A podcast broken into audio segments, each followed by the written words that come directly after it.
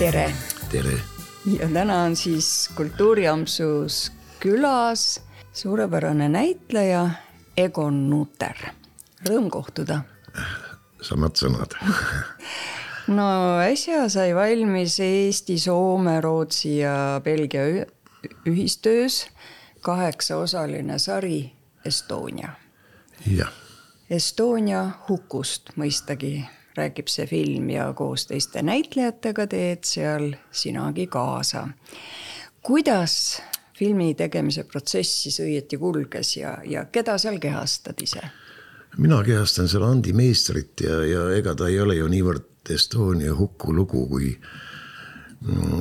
kui ta on, no seal on küll fragmente sellest hukust ja need on imepäraselt tehtud Belgia basseiniga stuudios, eks ju.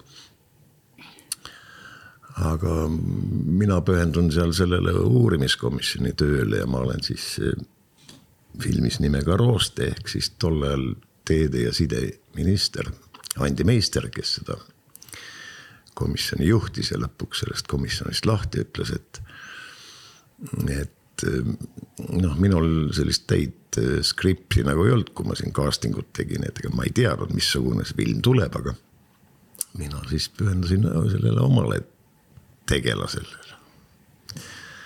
aga no töö oli huvitav selles mõttes, et, et seal oli selliseid kuuskümmend pluss vendi ju veel Soomest ja, ja Rootsist ja kui meil olid võttevabad hetked, siis sai omavahel võrdlusjutte peetud ja kuidas elab näitleja Soomes ja kuidas elab näitleja Rootsis ja. ja osad probleemid on ju hästi sarnased ja, aga siis niisugused sotsiaalsed garantiid on jällegi väga erinevad. aga mis mul veel meelde on jäänud, et, et, et selles töö käigus oli töömeele, meeleolu oli, oli kohutavalt hea ja mida ma ei olnud ennem näinud, oli see, et kogu tehniline pool, kõik heli, valgus ähm,. rekvisiit, kõik olid omavahel kõrvaklappide ja mikrofonidega ühendatud, nii et nende hääli võtteplatsil ei kuulnud üldse. ja see tagas sellise vaikuse, nii et kui oli kas mingi kaadrivahetus ja mingisugune äh, väike paus, siis äh, režissöör sai rahulikult näidata, näitlejatega rääkida, midagi täpsustada või midagi õiendada. ja, ja see, see vaikuse atmosfäär, see, see iseenesest lõi sellise noh, nagu pinge või, et, et sa oledki justkui seal komisjoni töös, et see on jube tõsine töö, mida me praegu teeme et see oli mulle uus jah no sa kehastasid äh, Andi Meistrit, äh, kes mõistagi oli kogu selle protsessi juures ikkagi väga oluline tegelane ja tollal ka minister ja oluline persoon. sa teadsid teda ka natukene või mille pealt sa Ei, nagu no, hakkasid mis... seda kuju looma? Ega ma ei teadnud ja, ja teiseks mind vabastas nagu see Andi Meistri noh, nimest, et nimed on ju muudetud, eks ju, ma seal mingi see. rooste. aga noh, nojah, need faktid või, või, või need sündmused ja juhtumid seal filmis on ju noh, tegelikult faktipõhised. et need on ikkagi elust ja, ja nendest tunnit-, tunnistajatest, kes seal mm, laevaski viibisid, need on päris tõepärased, et see on nagu niisugune pooldokumentaal, kuigi noh, kunstitõde ja, ja, ja päris elutõde alati kokku ei pea minema, aga. aga no mis ma valmistusin, ega ma ei osanudki kuidagi valmistuda, see. ju ma midagi guugeldasin ja Andi Meistri nägu oli mul silme ees, sellepärast et kogu see katastroof on ju meil kuidagi ikkagi ripub mälus, kuigi sellest on nüüd kakskümmend üheksa aastat möödas ja ma mäletan neid telekaadreid ja, ja neid, neid nägusid ja. ja ju ma midagi guugeldasin ka, aga see oli sellised üld, üldteadmised, sellepärast et Andi Meister ise oli ju mitukümmend aastat vait, enne kui ta jälle suu lahti tegi pärast seda katastroofi. noh, et no mul ei olnud vaja eriti valmistuda ka, sellepärast et see casting, mis toimus, kus me käisime vist Rain Simmuliga koos ja, ja, ja, keegi oli veel seal meist. Kaspar Velleberg, et see vastus tuli üsna ruttu. jah, tahan teid ja, ja siis, kui ma läksin Krimmi või no Krimmi proovi mm,. mõtlesin, noh, nüüd tehakse mulle mingisugune, kas pannakse habe või ma ei tea, mis tehakse või, või lõigatakse juukseid ja. Ja siis läksin sinna Krimmi sasisin oma juuksed, et ma olen nii, et peaks nagu midagi tegema. ei, ütles see Moonson, that's perfect ja nii ei sellega oli töö tehtud, läksin kohale ja, ja hakkasin veerima inglise keelt. Nad jäid sinuga rahule? no jäid rahule ja miskipärast ja isegi see peaprodutsent vist Soomes küll, see jagus kiitust, jumal issand, ma pole nii palju kiita saanud. ega need välismaalased kiidavad alati meeletult, see on ühest küljest imelik kuulda, aga noh, teisest küljest ka hea kuulda. ilus komme neil. kas sa tajusid Rootsi ja Soome režissööride puhul mingisugust erisust Eesti režissööride või üldse kõigi oma seniste režissööridega võrreldes no,? see kiitus on üks asi, aga noh, veel kuidagi see töö tegemise viis. eks režissöörid on kõik igaüks ju enda nägu. aga kindlasti see Måns Måns on väga erinäoline ja see Juuso nad on mõlemad väga profid. Nad väga usaldavad näitlejat miskipärast. et nad ei tee suuri korrektiive või kui teevad, siis, siis teevad seda nii kavalasti, et, et vähemalt sa ei tunne ennast puudutatuna, et sa midagi valesti oled teinud, lihtsalt teeme ühe versiooni veel. et no proffidega on hea töötada muidugi. no kaamera näib üldse Egon Nutterit armastavat, sellepärast et kinofilmides ja telefilmides ja seriaalides kohtab sind ikka ja jälle. ja neid on ikka kogunenud. no millised, ütleme neist lugudest ja rollidest on võib-olla sind ikkagi enim kõnetanud ja võib-olla saanud isegi pöördeliseks sinu näitlejakarjääris sa pead silmas siis kino ja telerolle või? just mm. no õnne on ju pöörde, pöördeline või pöördumatu või kuidas ma ütlesin, oli kolmkümmend aastat. olema seal nagu töllerdanud mõnikord. aga ma ei oska sealt mitte ühtegi esile tuua, sellepärast et et äh, ega see, neid filme mul nii väga palju ei ole ja need tekivad nii suure vahemaa tagant, kui sa uuesti ekraanile pääsed. et praegu küll jookseb ka vist Must äh, paradiis, kus on äh, film, aga ma ei ole ise jõudnud seda vaatama, nii et mm, ma mingi tätoveerija, tätoveerija mees seal olen, aga ma näinud ei ole.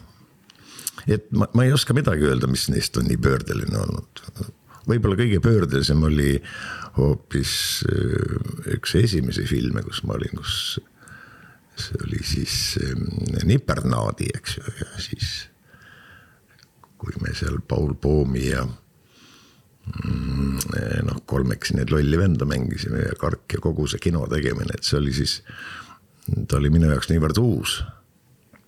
ma ei olnud ennem mitte midagi seal säärast teinud ja ja, ja see on, see on meelde jäänud ja muud ununevad ära siin vahepeal, et ei tule meeldegi, et kus ma olen mänginud. ununeb ära sellepärast, et tegelikult tööd on ju pidevalt. nojah, uued asjad tulevad peale ja siis pead ju sinna kettasse ruumi tegema, et vanad asjad lahti lasta.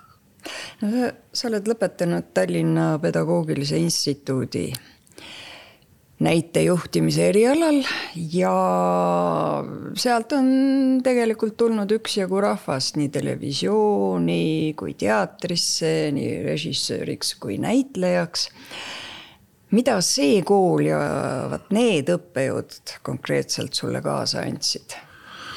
oh, kes seda teab, eks see süsteem on ju sama nagu Kontsis, sest mm, meie õppejõud olid ju ka kunagi lavakunsti kateedri lõpetanud, eks ole, eks nad andsid edasi neid teadmisi, mida nad seal õppisid. aga kool kui niisugune, see toimib ikka läbi isiksuste, et, et ma mäletan seal. Ivar Trekkel oli üks huvitav mees, kes meile kultuuri ajalugu andis ja. ja no minu lavakõne õppejõud oli Ines Aru ja, ja, ja Margus Tuuling oli siis meie näitejuhtimise õppejõud ja seal oli ju kujusid veel, mm, keda jälgida ja, ja, ja, ja kes meelde on jäänud, et. Äh, mis seal nüüd erinevat on Konsiga, vaata, ma ei ole Konsis käinud, kuigi kolmekümnendal vist. Mm, mis ta siis on, septembril või millal see Pansapidu on siis alati küsitakse, noh, tuled ka peole või? Ma ütlesin, ma ei tule, et mul ei ole selle kooliga mitte mingisugust pistmist, et ma olen ju pedakas. Paljud unustavad selle ära. aga selle kooli üle võib uhke olla küll, sest sealt on tõesti tulnud väga tegijaid inimesi, et ega ta nii kasutegurit ta ei ole töötanud, kuigi ju taheti meist ette valmistada maasoola ja ja Oidermaale timpanimängijaks nagu, nagu mu üks kursusekaaslane ütles, kellest hiljem sai hoopis Endla teatri direktor. et, et äh, sinna läksid ju ka need inimesed, kes kontsi sisse ei saanud ja isegi Nüganen on seal käinud ja oh jumal, kes seal ei ole käinud, seal on paljusid inimesi. Urmas Ott. Urmas Ott kappas läbi sealt, temal oli kindel siht televisiooni ja sellepärast õiendas oma eksamid väga kiiresti meie kursuse juures oli väga vähe aega. aga sealt on ikka tulnud. Sepo Seeman. no näiteks jah, see ei jõua ära naerda. Mm, Sepo tõi ükskord kirikuraamatu ja, ja seal on nagu sissekanne.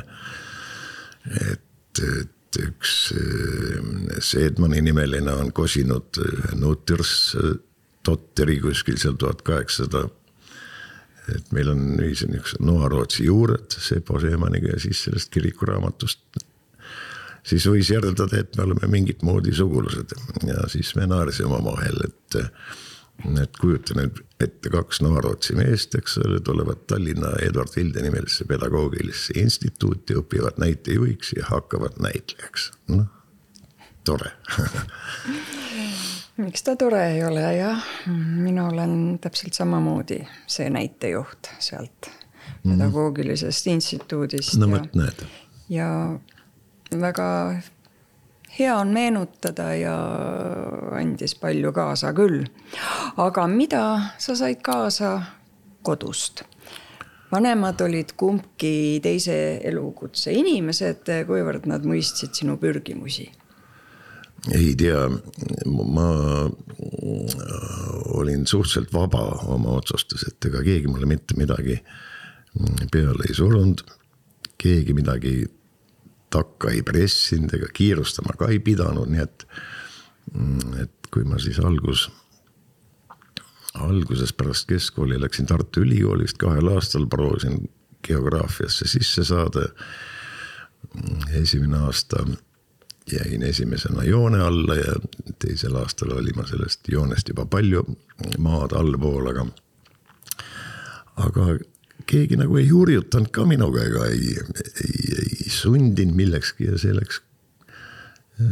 siis töötasin Tallinna Polütehnilise Instituudi õppevahendite, tehniliste õppevahendite teenistuses. ja see oli selline aeg, kus toimusid kõik kinoklubid ja, ja Eesti bändide kontserdid, see tipiklubi oli niivõrd kuulus ja. ja Tarkovski peeglit ja mida seal kõike näidati ja. ja, ja mul lasti seal rahus niimoodi ekselda, kuni ma siis selle pedagoogilise instituudi üles leidsin. noh, kas nad õnnelikud olid, ma ei tea, ega nad vist ei häbenenud ka midagi, kuigi ühel ühel hetkel ma mäletan, ema, ma olin siis Vanalinna stuudios. ja ema ütles, kuule, su silmad ei ole õnnelikud, et tule ära sealt, ma tulin küll ära aga no mingi kakskümmend aastat hiljem võib-olla. aga siis kui ma isa nägin, siis ükskord Rootsis, siis siis tema jutt oli õite imelik, noh, me olime kirjavahetuses, ta teadis mu tegemisi. Aa, isa elas Rootsis. isa elas siis juba Rootsis jah. ja arvas, et noh, sul on nüüd kõik jahid ja majad ja, sest ma olin mingis paaris filmis nagu üles astunud.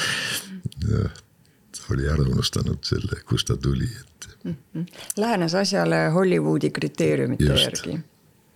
aga geograafiat üritasid sa õppima minna täiesti oma enese tahte järgi ja mis oli siis geograafias seda, mis sind nii tohutult tõmbas?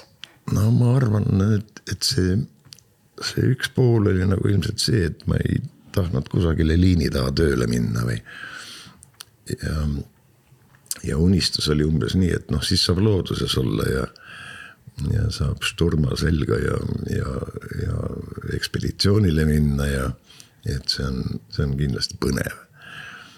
noh, looduses mulle meeldib siiamaani käia, et ega see noh, kõik see äh, halvem otsus ehk ei olnud, ma küll ei tea jälle, mis pärast elu oleks olnud, et mis selle diplomiga teha oleks saanud ja kuhu see elu sind viib, seda ma ei tea. aga noh, täna olen ma siis sellisel seisukohal, et enam ma ilmselt geograafiat õppima ei lähe. kes sind lasekski, sa oled teatris vajalik. noh, nii ja naa aga noh, kui inimesel on äh, nüüd lisaks näitleja ametile, eks ole äh, pagasis mõni hoopis äh, teisest valdkonnast elukutse, siis, siis see on ju mitmekülgne inimene ja selline mitmekülgsus tuleb ju näitleja ametis tegelikult väga kasuks. oled sa seda meelt ka? ja võib-olla jah, ma küll ei tea, kuidas, aga ma olen kõva niisugune puutöö tegija ja kuidas see nüüd kasuks tuleb, seda ma ei tea. aga aga kui ma midagi meisterdan või teen, siis see tähendab seda, et, et mu aju täielikult puhkab. siis sa lülitad ennast kõigest välja ja tegeled sellega, millega sa tegeled ja see. tore erinevus on veel see, et sa siis pärast oma silmaga näed, mida sa tegid. ja siis võid istuda ja nautida. no seda räägivad palju, et vot tuleb üks asi valmis teha ja oma silmaga veenduda tulemus on siin füüsilisel kujul minu ees, et väga palju on seda, kus tulemus on kuskil õhus, eks ole no,. hõljub meie peade kohal. hõljub kuskil. jah no sinu kolleeg, äh, Linnateatri lavastaja Diana Leesalu näiteks ju lõpetas enne äh, kõrgemasse teatrikooli sisseastumist Maaülikooli ja töötaski sel alal oma mõne aasta enne kui siis selgus, et ka dramaturge võetakse kõrgemasse lavakunstikooli ja siis muidugi see tõmme oli tugevam. aga kuidas sa üldse orienteerud niimoodi tänapäeva infotulvas ja erinevate võimaluste, no ütleme, värvilises ja sätendavas virvarris, et kas see segab sinu keskendumist, häirib? Või pane sa seda tähele? ma ei ole eriti virvarri vees või ega ma ei ripu arvutis, ega ma telefoni kasutan ka enamjagu helistamiseks. arvutis ma ajan ära oma asjad ja rahalised kohustused ja muud. aga ma surfan seal ainult nii palju, kui mul on noh, mingiks, mingiks tööks vaja või mul ei ole mitte mingisugust sugust sõltuvust, ma ei ei osale ka sotsiaalmeedias ega ei ole ma mingi blogija ega lugeja, nii et mul sellega on täitsa rahu majas kui ma käisin siin kevadel mm, katamaraaniga purjetamas, kus eh, purjetasime läbi kuus Kreeka saart. ja seal oli ju pildistamist, siis ma kasutasin fotoaparaati siis, mis on telefoni sisse ehitatud, eks ju ja siis mulle öeldi, et kuule, Egon, et osta endale uus telefon, et see on sul, see ei ole ju telefon, see on sul. see on telefonilaadne toode. no minu meelest olgu toode, aga kui ta töötab, siis ma teda vahetama ei kipu. peab saama rääkida ja peab saama kõnesid vastu võtta. just. ja see ongi telefoni ülesanne.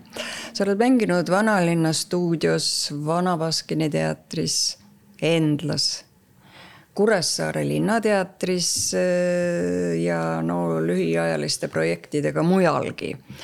täna oled siis Tallinna Linnateatri koosseisus ja seda juba mõnda aega kas sa oled sellel teekonnal kohtunud lavastajaga, kes on sinus, ütleme, kui näitlejas avastanud äh, neid külgi, millest sul endal sinnamaani aimugi ei olnud? ei noh, kas nüüd päris niimoodi, et, et millest mul endal aimugi ei olnud. noh, ma teadsin, et ega ma ei ole ainult puhas komöödiavõimega näitleja, et ma võin muud ka teha, aga aga vast see kõik, see vägevam kohtumine oli Elmo Nügasega, sest tema ma ju lõpuks teatrisse tiris. et ju ma talle nii palju meeldima hakkasin, et ta selle sammu üldse ette võttis, et ega siis nii väga lihtne ka ei olnud, seal pidi taotlema palgafondi muudatust läbi linnavalitsuse ja niimoodi, et ega neid teatrikohad on ju siuksed loetud, loetud. ja kes see lavastas, no neid ikka on, kui ma hakkan meelde tuletama, sest ma vahepeal töötasin ju mingis viies teatris korraga, tähendab noh, mul olid etendused Estonias, Vene teatris, väikeses Vaariuses, Endlas, Viljandis, noh. ja nii ma ennast jaotasin ja ma olin nagu elukutseline autojuht, sest ma pidin sõitma linnast linna mm.. ja noh, vaat kuna neid kohtumisi on nii palju, siis igas selles teatris on on toredaid inimesi, on toredaid lavastajaid ja, ja noh, kui sealt kaevama hakata, siis küllap sealt neid välja tuleb ja neid leidub. Millal see oli, kus sa Viies teatris korraga pidid mängima? no see oli selle vabakutselisuse ajal siis, mida ma, ma olin vabakutseline ka mingi, ma ei tea, kaheksateist aastat. ja vabakutselisus tähendab ikkagi tasus ennast sedapidi ära küll noh, jah, eks seal vahepeal tekkis nagu väike mure, et ei tea, kuidas nüüd, millal tuleb järgmine projekt või, või millega ennast ära elatada või, või elada, aga, aga tavaliselt ikka tuli, nii et ma ei pidanud midagi väga pikalt põdema mis rollid Läks need olid, on sul sellest ajast meeles, et need viis erinevat teatrit, viis erinevat äh, rolli mõistagi või olid nad sarnased? ei, nad ei olnud sarnased, seal oli Mm, minu vana daam oli vist Enlas, kus oli siis Karmen Mikiver ja, ja liider ja. Oli igavesti äge tegemine. Estonias oli ilmselt siis jooks Pipi, see jookseb ju siiamaani valduva eduga siin koolivaheaegadel jälle. otsitakse kolikambrist üles. Vaariuses ma ei mäleta, mis see võis olla, kas olid juba lennud või oli ennem seda veel midagi.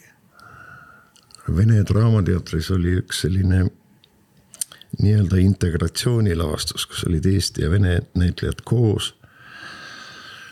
Mm, mille lavastas mm, üks Rumeenia päritolu ameeriklane, kes meil siin mingit aega resideeris ja ka vist isegi Konsis mingeid loenguid pidas. ma nime ei mäleta enam mis ma seal veel võisin teha? sa kindlasti ei mõtle Mladen Kisselovi, kes on bulgaarlane. jaa, see on hoopis teine mees, jah. ja, aga ma võisin Vabas lavas ka ju, ma olen, võisin seal ka midagi teha, noh, vot ei mäleta, see on nagu üks kirjukittel, et mul ei tule kõik meelde korraga kas äh, sellisel puhul on nii ka, et sul on mõnikord natuke kahju, et, äh, et vot oli, mängisin, see oli see periood, kus ma hästi palju mängisin, eks ole, ühe etenduse lõpetasin, teisega alustasin piltlikult öeldes, aga päriselt ka oli see nii. aga ma ei mäleta enam, see on nagu üks mingisugune selline värviline riba, mis lihtsalt mu silmade eest läbi jookseb, et sellesse perioodi siis võib-olla ei, ei mahtunud mingit noh, niisugust põhjapanevat. ei, miks ei mahtunud, need olid toredad tükid Pärnus, mulle õudselt äh, meeldis mängida seda seda minu vana daami nii, nii samamoodi Viljandis, kui me tegime Kõrboja mm, perenaisi vist, ma ei tea, kahel või kolmel suvel isegi või. Mm, see oli ka vist äge tegemine. Vaarsio teatri Lennud oli väga tore etendus, mille Alo Kõrve lavastas ja noh, kui sealt hakata kaevama, küllap sealt leiab, eks seal on noh, ime sünnib ju kümnest üks, eks ju, aga, aga, aga neid on ikkagi olnud, mille üle ma täitsa uhke olen no Eesti Teatriliidu andmebaasis piirdub su lavarollide loetelu aastaga kaks tuhat kuusteist, kus osad jäitmisi oli siis neljakümne ümber kogunenud, aga tänaseks on neid vast sada mine tea, sa pole üle lugenud, eks ole. ma arvan küll ja ju seal, ma ei ole seda ankeeti põhjalikult vaadanud, seal võib hästi palju asju puudu olla. Seda peab aeg-ajalt redigeerima, aga ma olen selle kuidagi unarusse jätnud. no siis sa pead seda täiendama ja. kindlasti aga noh, võib-olla see arv polegi siinjuures kõige tähtsam. noh, samas ta lihtsalt näitab, kui nõutud artist sa oled aga kas äh, siinjuures on nüüd olnud äh, üks või mitu rolli, mida sa oled tõesti kogu hingest ihaldanud, aga mis ikkagi ei ole sinuni jõudnud? mul ei ole sihukesi ihalusi ausalt öeldes, et ma ei ole endale mingit äh, ihaldusväärset rolli nagu, nagu välja mõelnud et nad tulevad su juurde siis, kui nad tulevad ja, ja siis kui hästi hakkama saad, siis ta ongi ihaldusväärne. et seesama Enigma variatsioonid, mida me siin Andrusega mängime seal hobuveskis, see on, see on üks selline roll, mida igatsed nagu mängida, et seda kokkusaamist igatsed ja ootad. ja katsud selle etenduse niimoodi mängida, nii nagu nii nagu vähegi suudad, et, et see sunnib mobiliseerima ja ta on nihuke, niisugune paras väljakutse, et. ja noh, eks neid on varasemas perioodis olnud veel, aga, aga ei mäleta neist pooli, kui hakkad ikka päris seal alguses kaevama, siis imestad ise ka, mida kõike on tehtud. oleks võinud pooled tegemata jätta, aga no või sa saad. jah, näitleja veri noh, ega. kisub ikka lavale. ei ta kisu alati mitte, aga ega siis teatris peab tegema tihtilugu neid lugusid, mida, mida nõutakse või mida tahetakse. aga räägi natuke palun neist Enigma variatsioonidest, keda sa seal teed ja miks see on äh, selline roll ja selline etendus, mida sa ikkagi igatsed, igatsed kohtuda jälle selle tegelasega? no esiteks sellepärast, et ta on väga, ta on psühholoogiline. sest mulle tundub, et, et nüüd selles uuemas teatris suhteid eriti ei mängita. Et ta on psühholoogiline, me nägime sellega kurja vaeva. meil oli tore lavastaja Gareev Vene Draamateatrist see materjal on nii ootamatute pööretega, sest me oleme publikust, no me, me nagu teades, et see, sellised asjad seal sees on, kui me mängime, ega me siis ei tohi nagu ette teada, aga et nad on nii ootamatud pöörded. et publik saab petta igal juhul ja ta peab hakkama jälle asja, asja nagu uuest vinklist vaatama. ja, ja no kolmandaks see, et, et me oleme Andrusega nii vanad partnerid tänu sellele oravale ja merele, mida me ka ju jooksime mitukümmend aastat. et me usaldame teineteist ja, ja see on sellise kahe inimese tüki puhul noh, äärmiselt oluline. et seda muidu mängida ei saagi. Ja vot see, see partnerlus on ka üks selline asi, mis, mis kas tekib või ei teki. meil on tekkinud mis selle etenduse sõnum on ja mis sõnumit sinu tegelane kannab? ma ei oska seda niimoodi öelda, seal on ju tegelikult üks varjatud tegelane veel, kes, kes on olnud äh, siis minu tegelase armastus ja selle teise tegelase abikaasa. nii et ta on ka üks niisugune nagu kolmnurk, aga sealt ei tohi nagu mitte midagi ära rääkida, sellepärast et ta on ka poolenisti äh, põnevik ja milleks ta peab jääma ja kui ma nüüd midagi ära ütlen siis on see ära öeldud ja siis ei ole enam huvitav. arusaadav, väga arusaadav. kas sa oled mingitel perioodidel mm, tundnud, et eh, võib-olla sinu eripära on hakatud eh, järjest enam mingis kindlas suunas ekspluateerima. noh, ütleme niisugused ekstsentrilised pentsikud tegelaskujud, näikse sulle ikka väga sobivat ja mul jäi silma Ippolit Vorobjaninov kaheteistkümnest toolist, Hiromant Pastelli Lutsu tagahoovist, sõjaveteran Raimond ENSV-st ja, ja otse loomulikult ka Lennart Meri. Nojah, aga nad on kõik siiski noh, inimlikud tegelased oma väikeste veidrustega, et et ei tea, ega ma ei vaagi ennast seal päris täpselt, mis ma seal olen siis egotsentriline või midagi muud. Mm, mul on taht-, tähtis nagu see tõde sinna taha saada ja, ja et mul oleks äh, noh, publiku ees hea olla, et. mul on niisugune väga suur analüüsija ei ole ja tihtilugu. Äh, kui on pikad analüüsiperioodid laua taga teatris, et siis ma kuidagi tüdinen ja väsin ära, sest lavale minnes see nagu naksti kõik muutub ja need asjad, mida sa oled laua taga kokku leppinud. Tihtilugu ei tööta ja ei lähe mitte, nii et. et noh, analüüsima peab, aga mitte lõputult. et laval selgub tõde aga ikkagi on lavastajaid, kes tohutult äh, nagu hindavad ja armastavad seda laua, nii-öelda lauatagust perioodi. ja, ja ikka ja no ja, aga tihti on ka lugu selles, et see lava ei valmi ega ei valmi või noh, ta valm, valmib nagu mingiks tähtajaks.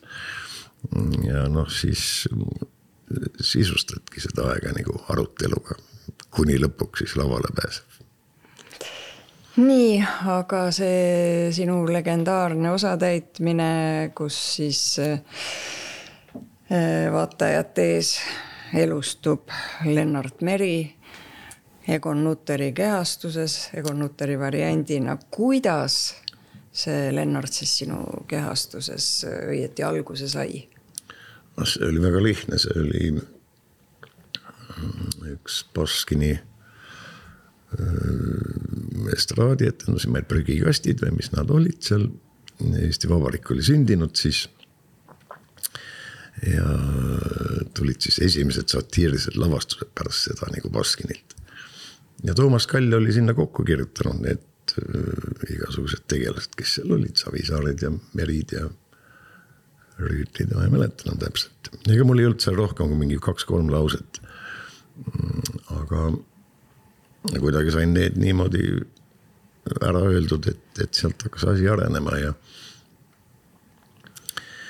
ja see, kas ta läks siis läbi tele või kuidagi mingisugune, ma mäletan, Reet Linna vist midagi seal ma tegin mingi tervituse ja siis siis niisugused juhmimad inimesed arvasid, et see oligi Lennart Meri ja, ja see hakkas kuidagi niimoodi, hakkas see laviin peale.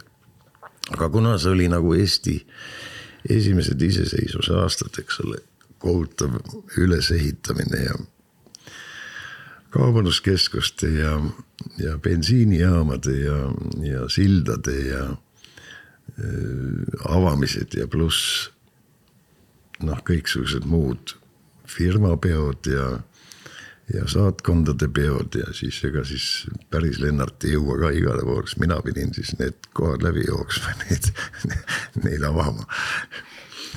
noh, eks ja ma. kas seal võiski tekkida e, situatsioon, et keegi arvas, et näe, ongi president ise?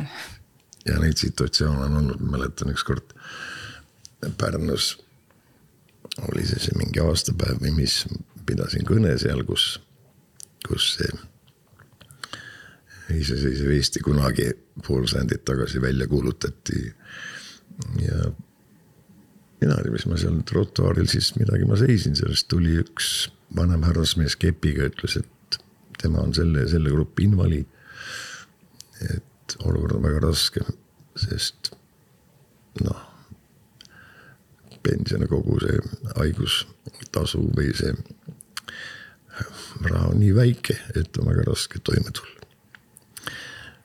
ja siis ma kuidagi ma niimoodi vingerdasin, et vaadake, et me oleme siin päris alguses. olge päris kindlad, läheb veel natukene aega, meie elame järjest paremini ja paremini, ta tänas kohutavalt ja oli väga tänulik, et, et ta sai lohutust ja, ja arvas siiski endist viisi, et jah, see on see Lennart, noh.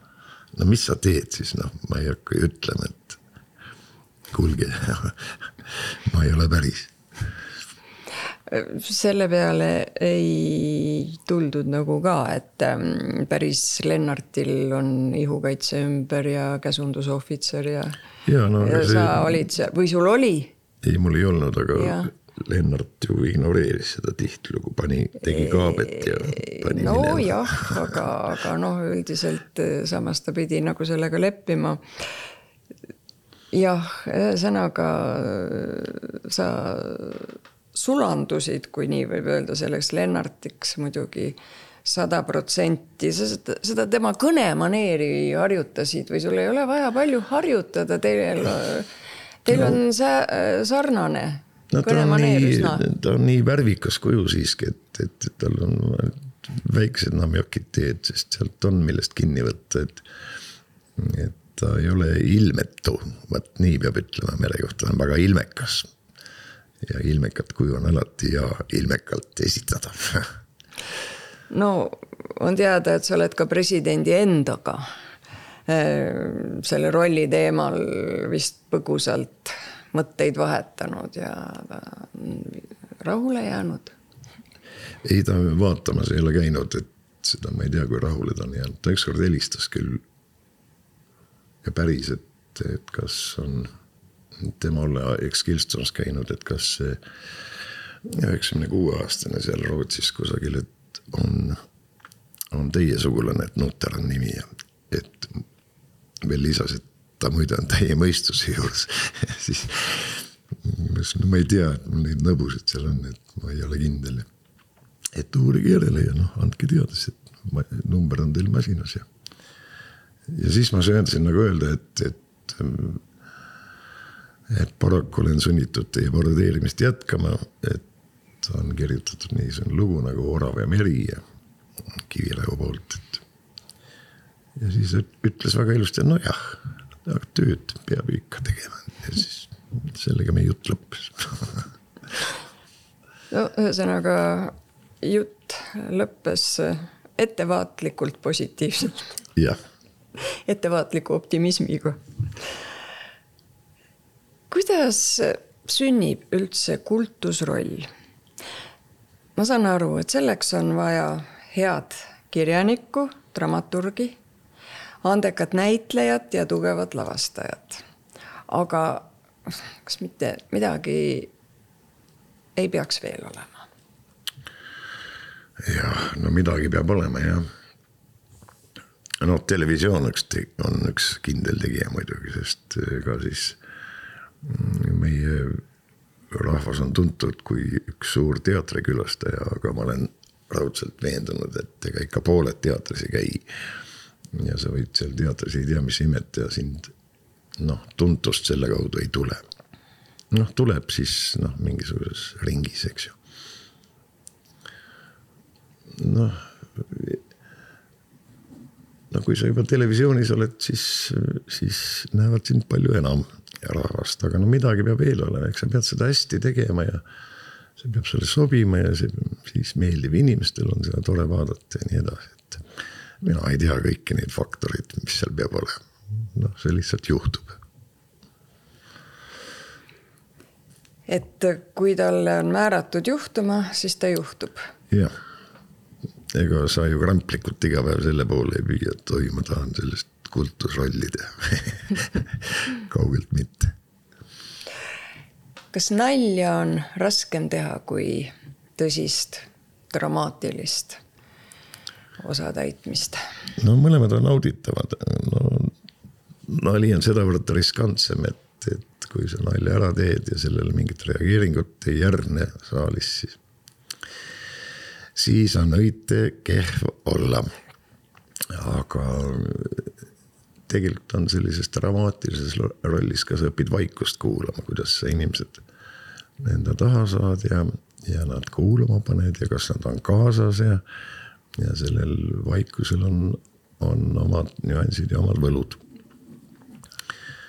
nii et üks ei välista teist ja, ja nagu no Tampanigu teatris ongi, need asjad hakkavad segunema, kõige rohkem meeldib mulle kui ühes loos on nii tõsist kui, kui vaimukat ja naljakat ehk siis nagu tragikomöödia või mis. et need žanrid nagu hakkavad põimuma ja lisandub sinna veel liikumisi ja mida kõike, et liikumisteater ja füüsiline teater ja nad kõik, kõik hakkavad kuidagi üksteist mõjutama. Eestis on praegu väga populaarne stand-up komöödia, et kuidas nad tunduvad ja kas sinu meelest nii-öelda võimekaid tegijaid jätkub? ma ei ole väga suur jälgija, ma käisin küll ühel festivalil Pärnus, mm, kus oli neid tegijaid üle maailma, aga noh, kuna ma ei saa keelest ja nende nüanssidest nii hästi aru, siis mul oli natukene igav. Ma ise suur stand-up'i tegija ei ole, sellepärast et mulle meeldiks ikka, kui mul oleks laval partner, et ma ei noh, sel juhul on partneriks on publik, eks ju.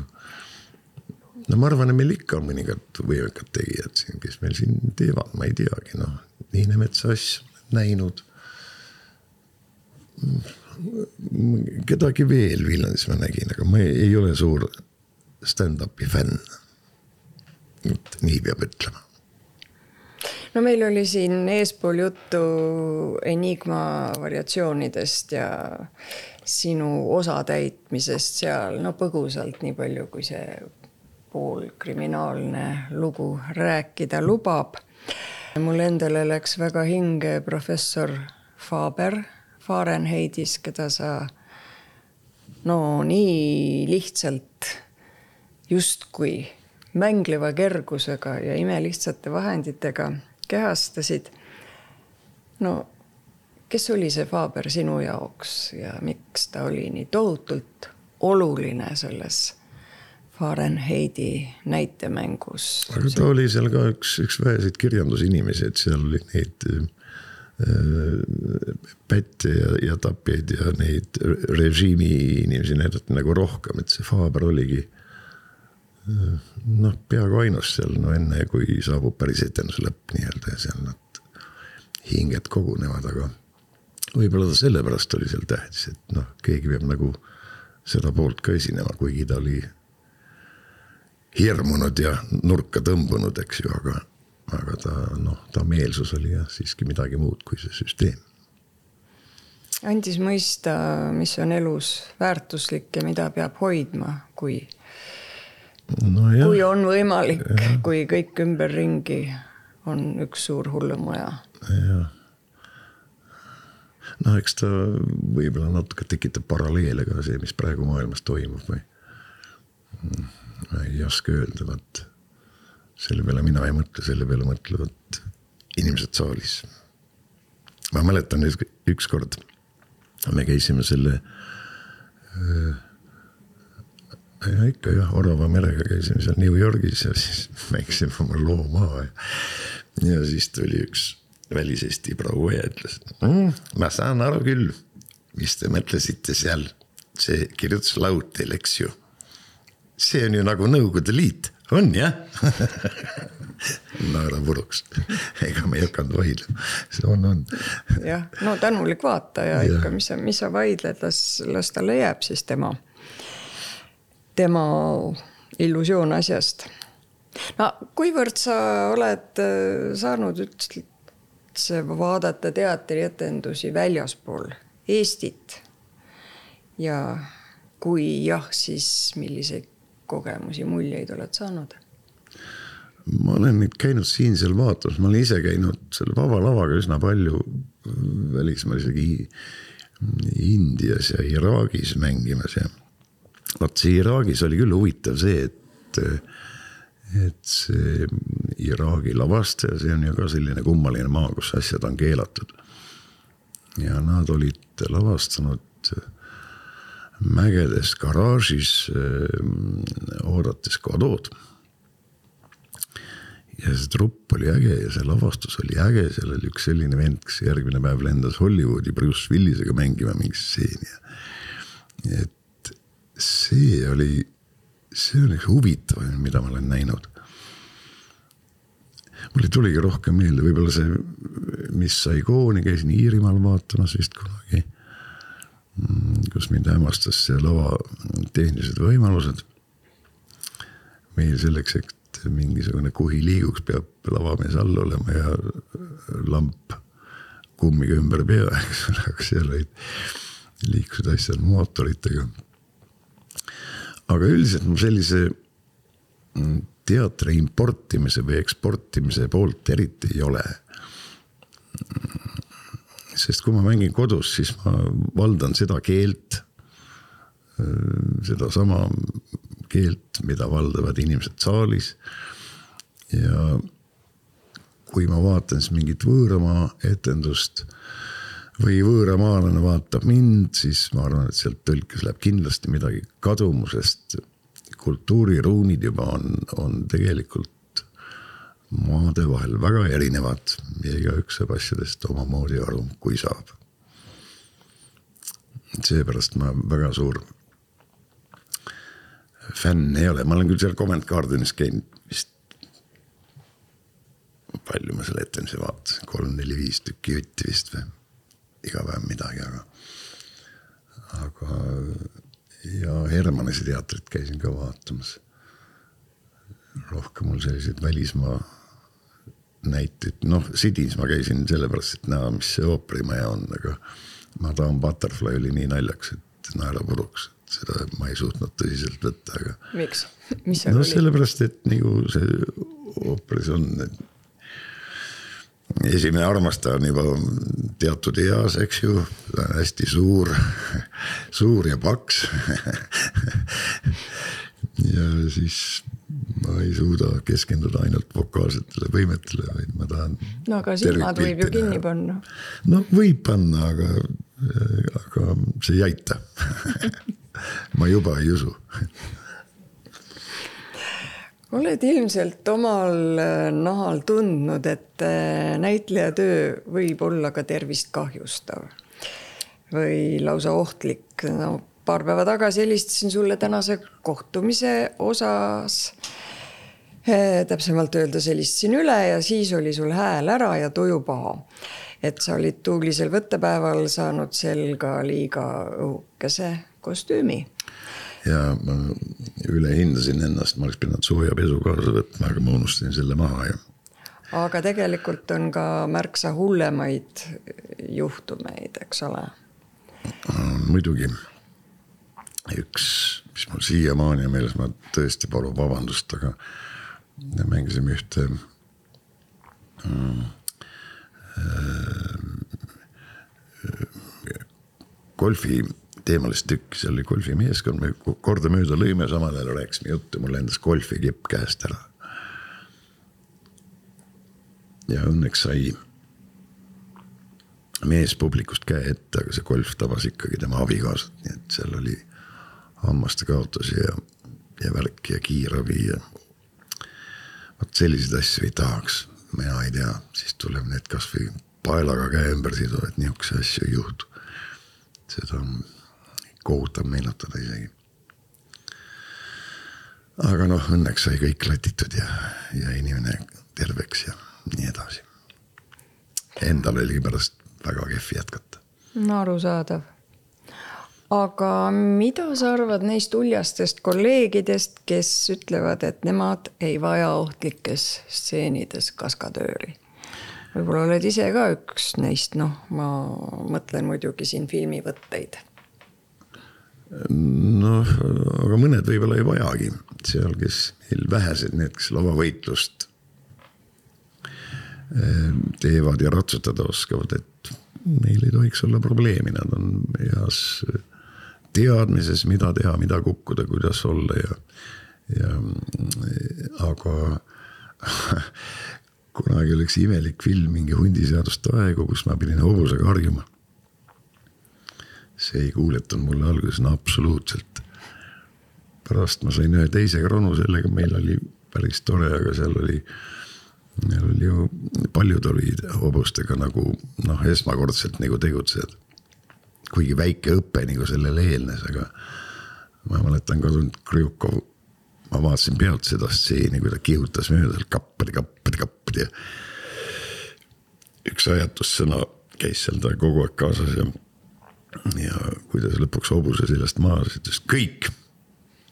mina selle loomaga enam ei sõida sõitku kes tahab ja oli, sellega oligi lõppenud, kui oli vaja Krjukovit hobuse selga, siis pandi dublant.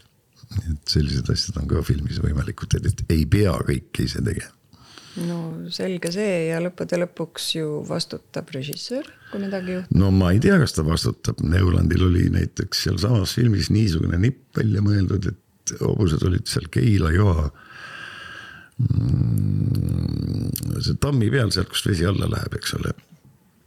ja ta oli keevitanud siis niimoodi lipuvardast üks plaat oli ees, teine oli taga ja oda oleks siis mul nagu läbi kere läinud ja mind tõsteti hobuse seljas selle odaga siis nii-öelda õhku. ja ma pidin siis samal ajal verd suust välja ajama, eks ole, ja hobune oli kahe jala peal. ja ma mõtlesin, et kui ma siit alla saan, siis ma olen surmalaps, sest seal on ainult üks niisugune püsti kukkumise sügavam koht, kõik see muu on kivi seal all, ainult kaskadörid suutsid sinna auku hüpata. noh, kes pidid hobuse seljast kukkuma. no kes oleks vastutanud, no, no mina ei tea, kes oleks vastutanud. mis sa seal enam vastutad, sa oled juba valu saanud juba. sünged asjad. mulle tundub, et sa oled inimesena kuidagi eriti rahulik ja tasakaalukas ja see võiks vist ilmselt vastukaaluks olla ka näitleja tormisevõitu elukutsele. võtad elu niimoodi rahulikult, filosoofiliselt? jah, ma olen üsna flegmaatiline, et kui, kui laval on vaja kiireid stseene, siis tuleb mind nagu natuke takka utsitada, et tempo ära ei kukuks. sellega ma olen nõus rahulik, jah no.. ja selle rahu taga on ka mõnikord olen ikka närvis ka, kui, kui asjad sinnamaani viivad, aga, aga ma märatsema tavaliselt ei hakka, jah. aga mis on need asjad väljaspool teatrit, mis sulle rahu ja turvatunde annavad? ei, mina seda tea, no vaatad siit stuudioaknastki seda rohelust ja seda ilusat pilti ja juba hakkabki hea ma rohkem vaatangi sinna õue kogu aeg, kui ma siin räägin. juba see rahustab. jah, eks elus on ilusaid asju ka, mida tuleb eh, noh, vaadata ja endale ligi lasta, et ega kogu aeg viriseda ka ei jõua, siis. siis muutud torisevaks vanameheks ja siis ei ole sinust mitte mingisugust kasu kas sa puhates kogud uusi mõtteid või lülitad ennast täielikult välja? ma ikka lülitan välja ennast enamjagu, et ma ei, ei, ei tea ju tihtilugu, mis elu toob ja mis mõtteid ma kogun või, või kas ma endale aru annan, mis mõtteid ma kogun, eks, eks igasugune hetk, mis sa elus koged, et eks ta midagi ikka õpetab, kui seal sees midagi õpetlikku on. niisama puhkusega ka ja. Ja ma siin enne ütlesin, et ma käisin katamaraaniga sõitmas, siis nüüd ma kujutan ette, mis see purjetamine tähendab, kuigi see katamaraan, ta nii kergesti kreeni ei lähe, aga ma olin selle otste peal. heiskasin purjeid ja lasin, lasin järele ja pingutasin ja kerisin jälle kokku ja ma olin selline mees, et. et see meeldis mulle väga ja resümee on sellest, et laevas peab olema kord.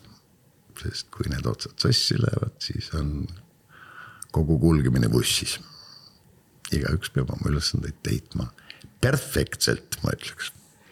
no sa ei ütle ära võimalusel suhtlemisest ka võib-olla juhuslikult kohatud inimestega, meenutagem seda, kui üks vanem mees sinuga Lennarti juurde tuli. mida see suhtlemine sulle Eesti elu kohta räägib? No, üldiselt, kui no nii mõndagi. ütleme tänasel päeval. ma käin seal Rimi poes, oma kodupoes, siis on tihtilugu oi, Egon ja igasugu inimesi tuleb vastu, mõni tänab õudselt siiralt ja ei taha mitte midagi.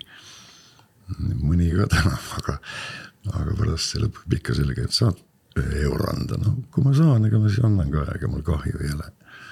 sest ta on ka oma eluga ju kuidagi sinnamaani jõudnud, et tal ei ole, eks. Aga noh, niisuguste tervete inimestega on igavesti tore vestelda, et kui sa noh, satud kusagil ütleme tuletornis maadled mina madala maa poiss, eks seal peal maadlema mingisuguse kõrguse kartusega seal. Ja kui sa siis satud samasugusega kokku või mingi seltskonnaga, kes on hoopis Ameerikast või on ta väliseestlane, kui seal läheb jutuajamiseks, siis see on, see on hetk, mida pärast meenutada ja unustada oma hirmud ära samal ajal. et, et ma suhtlen siis, kui sobib ja, aga noh, selleks peavad parajad paarid kokku saama aga kuivõrd üldse sulle läheb, ütleme lisaks Eestimaa ilule korda ka tema valu ja. no ja... ikka läheb, et ega me oleme nii väike maa, et, et igasugused meie rabelemised ja, ja, ja see, mis toimub siinsamas Toompeal ja see jõuab ju igasse kodusse peaaegu. ma peaks elama väga kaugel maal, kui see mind ei puudutaks, ütleme kuskil Läti piiri ääres, kus Kalju-Orro pesitseb, et. kui sa siis telekat ei vaata, siis ega see siis sinusse ei puutu ja lähebki mööda ja oledki rahulikum. Aga see, mis toimub, seda ma ikkagi tahes-tahtmata näen ja sellele ma elan kaasa, tahaks, et asjad oleksid paremad, kui nad praegu on. kas sinu looming võib kuidagi inimesi aidata, oled sa endale sellise küsimuse esitanud? natukene no nii, välja tuua igapäevaelus. kui, kui neile mingi, mingi asi minu näitamises või näitlemises või tegutsemises rahuldust pakub, et siis, siis ma olen oma töö teinud ja noh, siis on neil võib-olla hea olla ka, kui pakub. aitäh, Egon Nutter, saatesse tulemast aitäh